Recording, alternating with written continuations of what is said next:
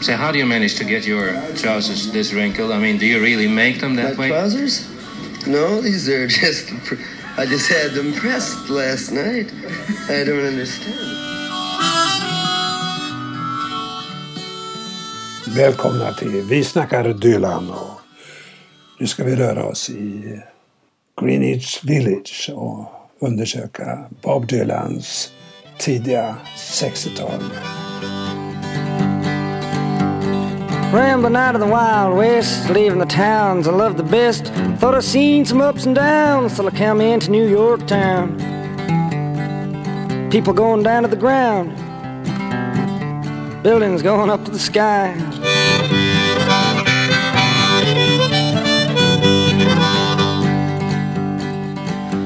Wintertime in New York town, the wind blowing the snow around. Walk around with nowhere to go. You somebody can freeze right to the bone.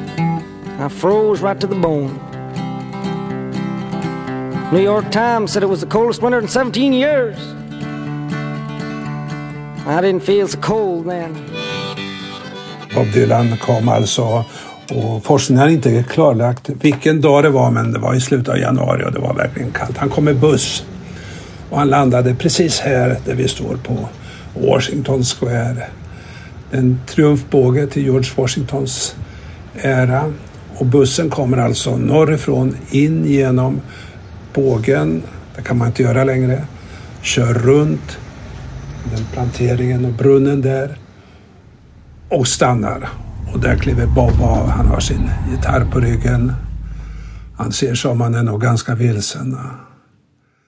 Första natten tillbringar han på Hotel Earl 105 Waverly som ligger precis i kanten på Washington Square.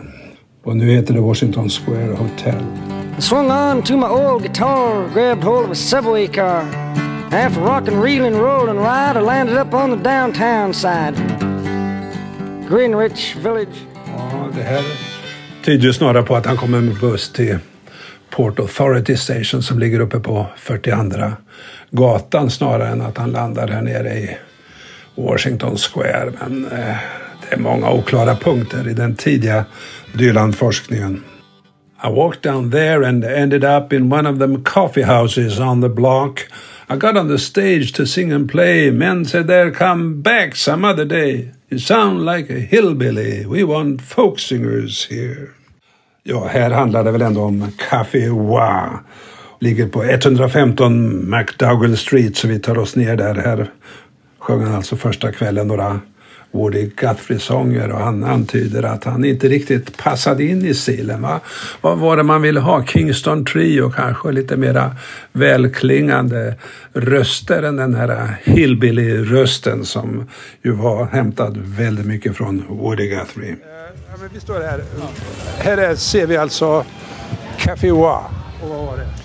Ja, det, det är där det sägs att Dylan först gick han hade hoppat av bussen vid Washington Square Park. Eh, så var det dit han gick och eh, eh, fick sitt första gig i New York. Just got here from the West. Name's Bob Dylan. I'd like to do a few songs. Can I? Manny Roth replied, Sure. And so Mr. Dylan took out his guitar and sang a handful of Woody Guthrie songs, after which the crowd flipped in excitement. Men nu spelar de inte folksång där det är. Nu är det Nej, nu är det Comedy Club numera så tyvärr så är det inte samma. Men, eh, men det heter samma sak fortfarande och ligger kvar på samma ställe. Well, I got a harmonica job, begun to play, blowing my lungs out for a dollar a day. Ja, det var inte vilket jobb som munspelare han fick som helst här, utan han fick faktiskt ackompanjera ingen mindre än Harry Belafonte på en skivinspelning. Så, så började det. Well, I wake up in the morning, hear the ding dong ring. You go marching to the table, you see the same damn thing. The man said he loved my sound. He was raving about it. He loved my sound. Dollar a day's worth. Ja, så fortsätter Bob i Tokyo, New York och nu börjar han berätta om att han hittar ett jobb och han går med i fackföreningen och, och så går han in på det här att han citerar ju Woody Guthrie, “Some people rub you with a fountain pen”. Men eh, ja, jag vet inte om han hittar på. Här gick han verkligen med i en fackförening och vad var det för fast jobb han fick egentligen? Kanske syftar han på att han blev lite Eh, Eh, stadig gäst på Gaslight Café. Det ligger här på 116 McDougall Street. Det är väldigt tätt på den här gatan mellan olika ställen. Där ligger alltså Gaslight i källaren och en trappa upp så ligger det Kettle of Fish där man kunde sitta och äta. Här sjöng han Masters of War för första gången. Nu är det omdöpt och en heter The Alibi Room. Och några hus ner ligger eh, The Commons som var någon slags, ja vad var det, någon restaurang på McDougall Street i alla fall, 105. Nu heter det Panchitos, en mexikansk restaurang men här sägs det att han skrev Blowing in the wind. Ja, vi fortsätter fram och tillbaka här på McDougall Street som måste vara något utav centrum-mecka för folksång här i början av 1960-talet. Och nu närmar vi oss en, verkligen en centralpunkt.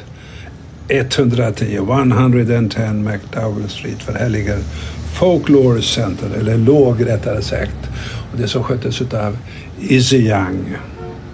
Izzy som lanserade Bob och, eh, och arrangerade den första stora konserten på Eh, Carnegie Hall.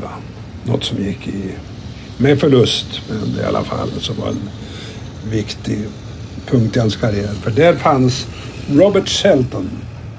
Och Robert Shelton skrev en recension som var väldigt positiv i eh, New York Times.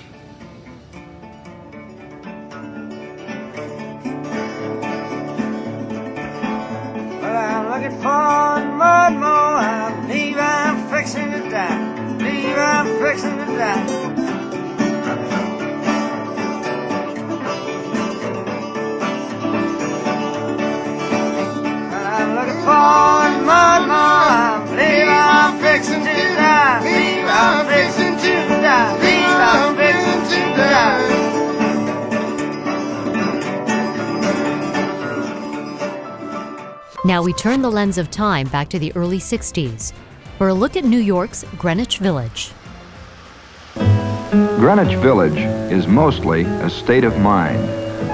For the Sapocanacan Indians, it was a happy hunting ground, and it still is, although the Indians are gone, because happy hunting grounds are places of the spirit. It was here that one free soul, Tom Paine, gave America the crisis and another discovered broccoli on Bleecker Street. Jag går i sällskap med Per Sandvall, en av de riktigt stora Dylan-entusiasterna i Sverige. Han har varit med här i podden och han har varit på, eh, om det är 117 eller 170 konserter, det är lite oklart, men i alla fall. Han visar mig tidningskiosken på Sheridan Square där Bob och John Baez går och köper ett nummer av New York Times och läser 20 year old singer is bright new face at Gerdes Club. A bright new face in folk music is appearing at Gerdes Folks City. Although only 20 years old, Bob Dylan is one of the most distinctive stylists to play a Manhattan cabaret in months.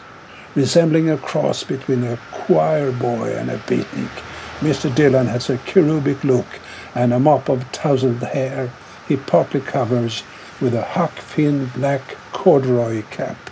Så skriver Robert Shelton den 29 september 1900. Här på Sheridan Square ser vi också lägenheten där Mickey Isaacson bodde. Hon var granne med Susie Rotolos mamma och på något sätt lyckas Bob här träffa Susie. Och hon blev ju, som ni vet, Susie Rotolo, så central i att föra honom in i medborgarrättsrörelsen och den radikala vänsterns eh, syn på samhället. De behövde sånger och Bob sa Ja, det verkar inte som någon annan skrev de där låtarna, så jag gjorde det. Ska vi pausa lite och titta på geografin. Vi har alltså Washington Square i Greenwich Village och söder om den så löper eh, West 4th Street och det var där som Bob och Susan Rotto bosatte sig sen. Och så kommer då West 3rd Street och Söder om den går Bleecker Street. På västra kanten om Washington Square går McDougall Street och det är ju där vi har vandrat och sett detta myller av klubbar. Och sen om vi korsar Sjätte Avenyn så svänger West Blicker Street lite upp norrut. Och så vid Sjunde Avenyn så ligger Stonewall National Monument, en Sheridan Square. Och det är den här lilla triangeln som vi rör oss. Det var där Dylan rörde sig i början på 60-talet. And uh, he sang the high harmony. I said, "Who the fuck is that guy? He's crazy." It was like a, a a thing, a girl and a guy singing together. You would imagine the girl would sing the high harmony and the guy would sing the melody. Uh, it was the opposite. I, I, said, this guy doesn't know anything about music. That was the first time I saw him. Wow. When was that? Well, I don't know. It was early 60s, I guess, in the yeah. One. Before he got really famous then? Oh, yeah, he wasn't famous at all. It's just a guy living down the street. 161 West 4th Street. På 169 så går vi ner i en liten källarlokal. Där finns Jeffrey Slatnick och hans otroliga affär med World Music Instruments. Där finns allt vad ni behöver. Och Jeffrey berättar gärna. Det är en tunn, nästan osannolikt tunn man med stort gråvitt skägg. När han huserar bland sina instrument. And can you tell me a little about this place, Music Inn? What's, what's oh, yeah, 1958, uh, when uh, was the last time a folk song was number one on the hit parade in America. It was a song called "Hang On Your Head, Tom Dooley" by the Kings. Yeah, it was famous in Sweden. We're from Sweden. So then the, the wave of folk music started here in this area? Or? Yeah, there was a big folk music movement, but it was a good way to deal with uh, song forms, and yet it was a different kind of music than the big band, uh, Frank Sinatra, Bing Crosby era of music. So people were more individual, more personal, and they could express more deeper intellectual thoughts than just, uh, I'm in the mood for love. Are you a singer too? I'll sing a song if you name it. Yeah. what's your favorite song? Oh, there's so many, so many. So, but uh, don't think twice. from the Hell, you're thinking about Bob Dylan. Ain't no use to letting wonder why, babe. You don't know right now. Nu har vi flyttat oss till Jones Street, en tvärgata till West 4th Street. Och här togs det berömda omslaget till Free Will Bob Dylan. Och vi går ner på en, eller går in till en skivbutik som heter Record Runner. So we are at the Record Runner, and this is really Bob Dylan area, and we are on Jones Street. So uh, is it a lot of people uh, asking for Dylan here? Uh, almost every day. During the uh, you know pandemic, it kind of stopped, but uh, but on the weekends, almost constantly, and especially now since he's playing this uh, this weekend, I got a lot of people. People, from, especially from like Europe, now they open up so people can can, can come. So yesterday some people from from the UK, some people from from Holland, you know, from all different places, just to see Dylan. Are people still interested in his records?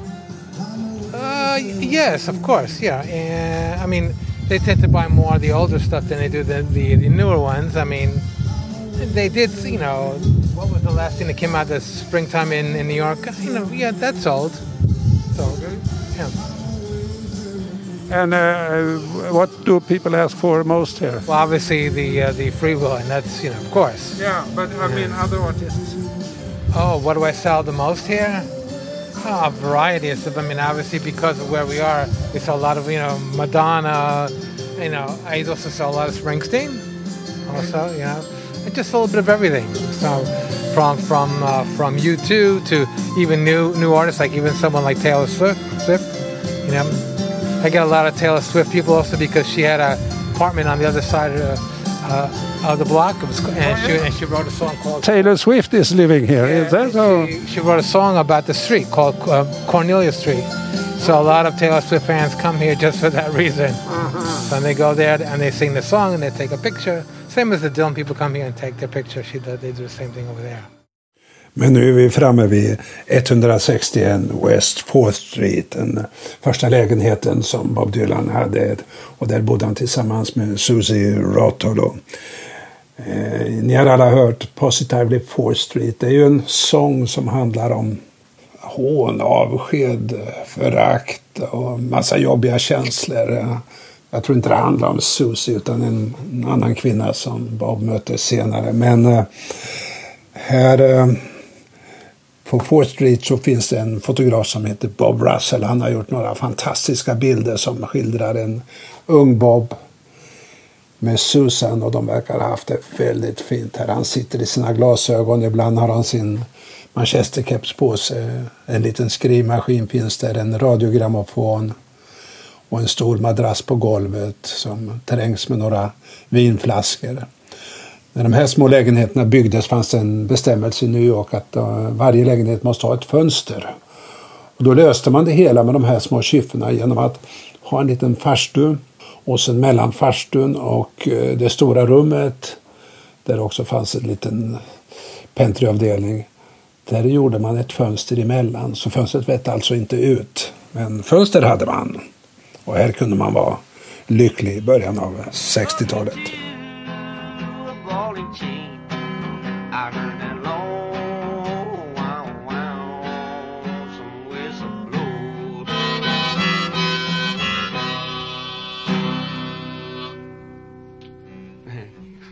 That was Bob Dylan. Just one man doing all that. Playing the mouth harp and the guitar. Because you, well, when you do this, you have to wear a little sort of what another person might call a, a necklace. Yeah. And then it's got um, joints so that you can bring the mouth harp up to where you can reach it to play it. Bob Dylan is, well, you must be 20 years old now, aren't you? Yeah, you? I'm almost 20. I'm, uh, Are you? yeah, 20. I'm 20. When I first heard Bob Dylan was, I think, about three years ago in Minneapolis. And at that time, you were thinking of being a rock and roll singer, weren't you? By that time, I was just sort of doing nothing. I was there. Uh, Well, you were studying. I was working, I guess. I, I was. Uh, I was making the Nu befinner jag mig i West Village. Korsningen mellan Grove och Bedford Street. Det finns ett litet trottoarcafé som heter The Little Owl. Och det befinner sig alltså i hörnet där det är The Friends Building. Alltså den här berömda tv-serien Vänner som jag aldrig har sett men som alla andra har sett. Så det här är också klassisk mark men på ett helt annat sätt. Kind of got lost coming up here tonight. Took a subway. Got off somewhere on 156th Street. Started walking back. I got hung up in a Cadillac store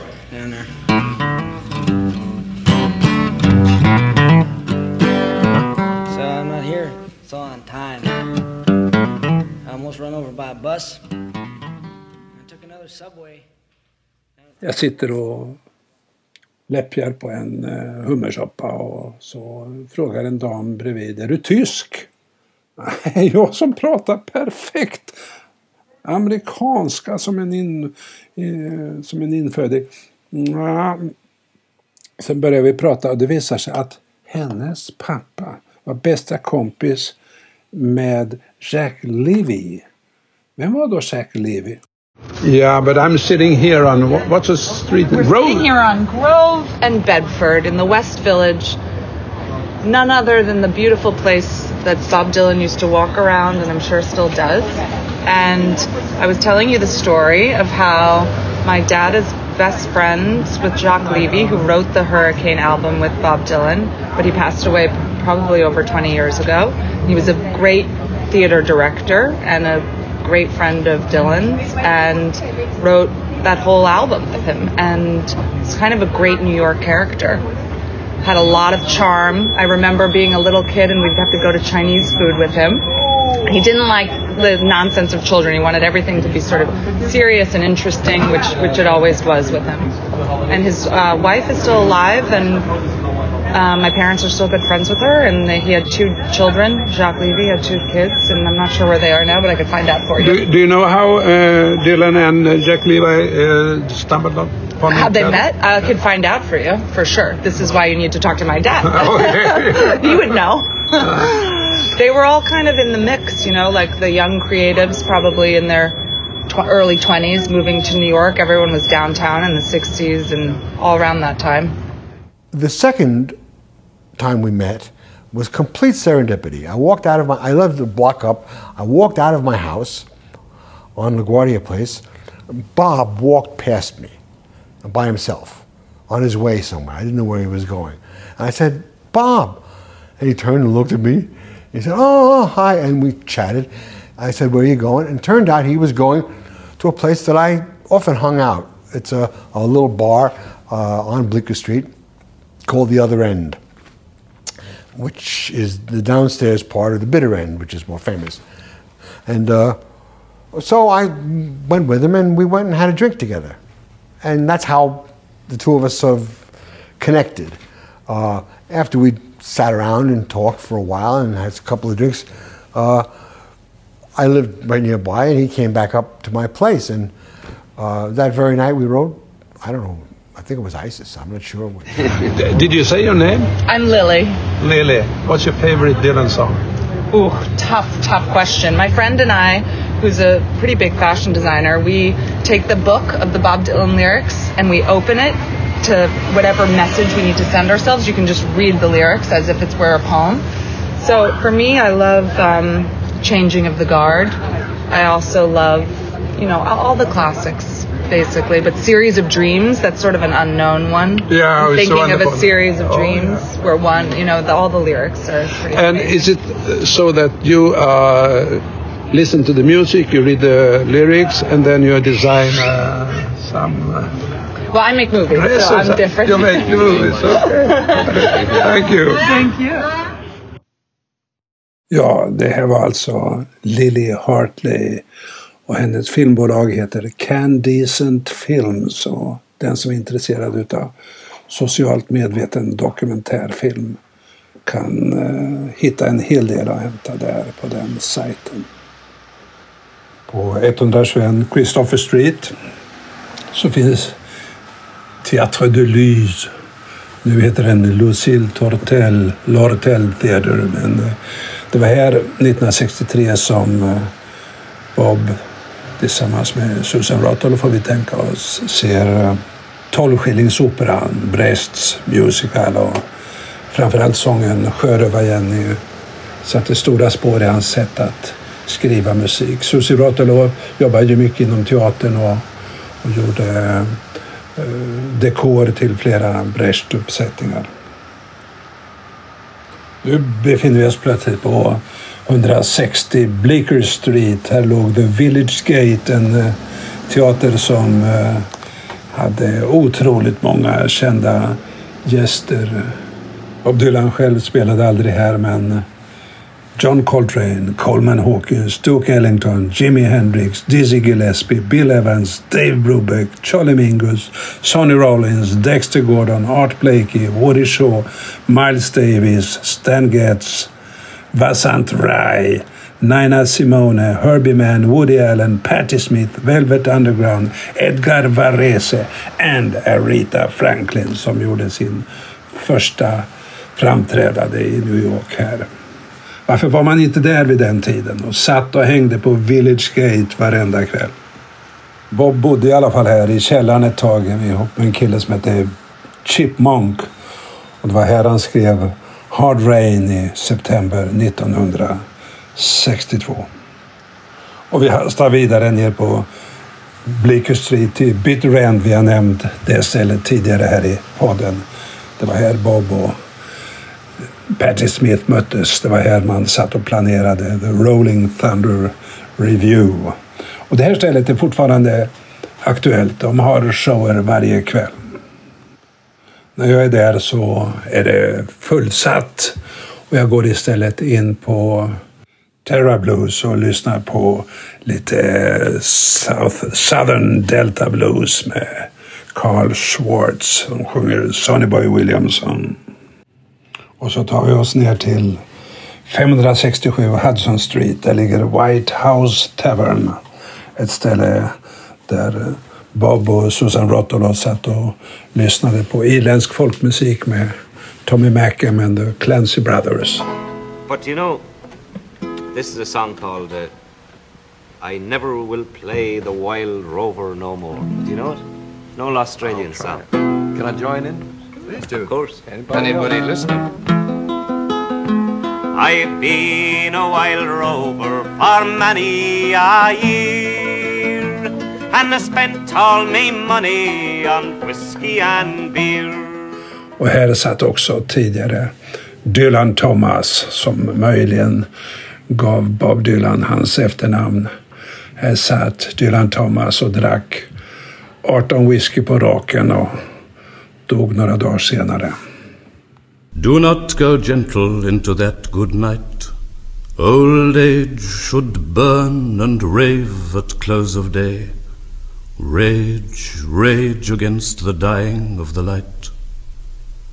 Though wise men at their end know dark is right, because their words had forked no lightning, they do not go gentle into that good night. Good men the last wave by, crying how bright their frail deeds might have danced in a green bay. Rage, rage against the dying of the light. Ja, nu börjar vi närma oss slutet på vår tur här i Greenwich Village och vi går till de sista raderna i Talking New York. So one morning when the sun was warm, I rambled out of New York town, pulled my cap down uh, over my eyes, and headed out for the western skies. So long, New York, and howdy, East Orange. Okej, vi säger hej då till Greenwich Village och på återhörande.